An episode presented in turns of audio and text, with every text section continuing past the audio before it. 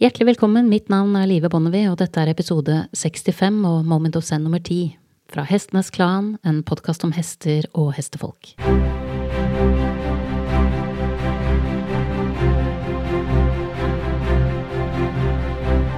Det øyeblikket jeg nå skal beskrive, fant sted ganske tidlig i min karriere som rytter. Jeg tror jeg kan ha vært rundt 16 år, og jeg hadde nok eh, høyst sannsynlig tilbrakt nok en lang dag på stallen. Det var blitt sent på kvelden, og vi holdt på å forberede oss på å dra hjem, da vi plutselig hørte lyden av hovedtramp som nærmet seg i rasende fart. Vi stormet ut på tunet i den tro at det var en hest uten rytter vi hørte, men vi fant en ekvipasje. Det var den røde unghesten med lys mann som var eid av de som drev gården, og fòrrytteren hans. De hadde kommet opp den kilometer lange grusveien som ledet opp til gården fra hovedveien, hesten hadde stukket og stoppet ikke før han var nær ved å stange hodet i stalldøra. Jenta forklarte at han hadde vært helt ute av kontroll, og hun var ganske rystet. Det ble jo litt oppstandelse. Jenta som red var oppskaket og ville helst stige av, men omkvedet var at det var veldig viktig at hesten ble satt på plass. Det ble en runde med diskusjoner, før konklusjonen var at fòrrytteren måtte ri hesten hele veien ned igjen og skritte opp. Ellers ville problemet bare bli verre. Hesten var jo allerede kjent for å stikke og hadde tidligere løpt gjennom både gjerder og annet rask, så her var det viktig å statuere et eksempel så han lærte forskjell på rett og galt. Jenta gjorde motvillig som hun fikk beskjed om, og red ned gårdsveien igjen, men det var veldig lett å høre, lenge før vi kunne se dem, at det ikke var hun som hadde valgt tempoet tilbake. Igjen kom de opp på tunet i strak galopp, og hadde ikke stalldøra vært stengt, hadde hesten trolig feid like inn i stallgangen med rytteren på. Det ble en ny runde med diskusjoner, men nå meldte fòrrytteren pass, hun var blitt skikkelig skremt og nektet å prøve igjen. Da var det en av venninnene hennes som tilbød seg å ta over.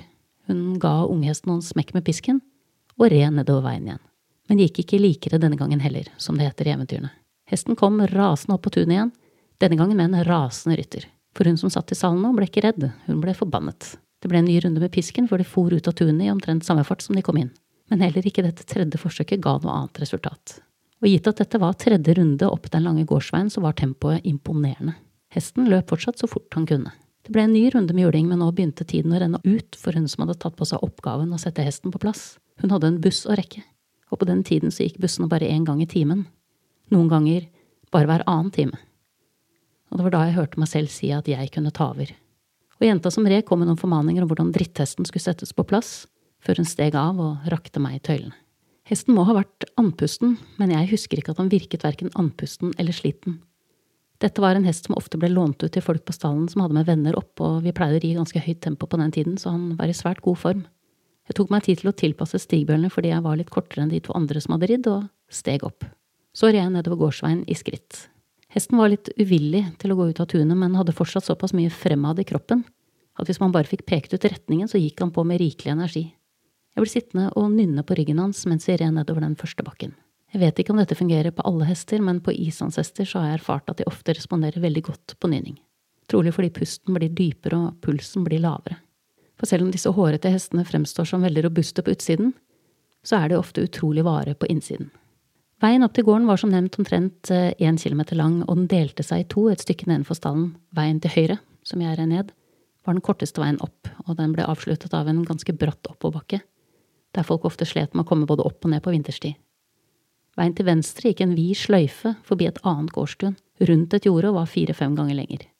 Så da jeg kom ned til der veien delte seg, så fortsatte jeg ikke ned mot hovedveien, men ned jeg inn den andre veien, den lange sløyfa. Og så slapp jeg tøylene. Jeg slapp dem fordi at jeg intuitivt følte at galoppen ikke kom fra innsiden av hesten selv, men fra utsiden et sted.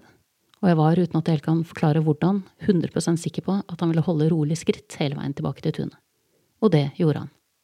Hvor jeg tok denne sikkerheten fra, har jeg tenkt mye på i ettertid, men jeg tror det kokte ned til en intuitiv forståelse og kontakt med hesten. Det var først lenge etterpå at jeg fikk historien om hvordan akkurat denne hesten, som hadde vært kjent for å være lat eller ha lite vilje, som vi sier om islandshester, hadde blitt brukt til å hente posten noen ganger i uka, i et forsøk på å bygge opp et større fremad. Det fungerte slik at bonden skrittet han ned til poststativet, nede ved hovedveien, for deretter å galoppere full spiker opp veien igjen.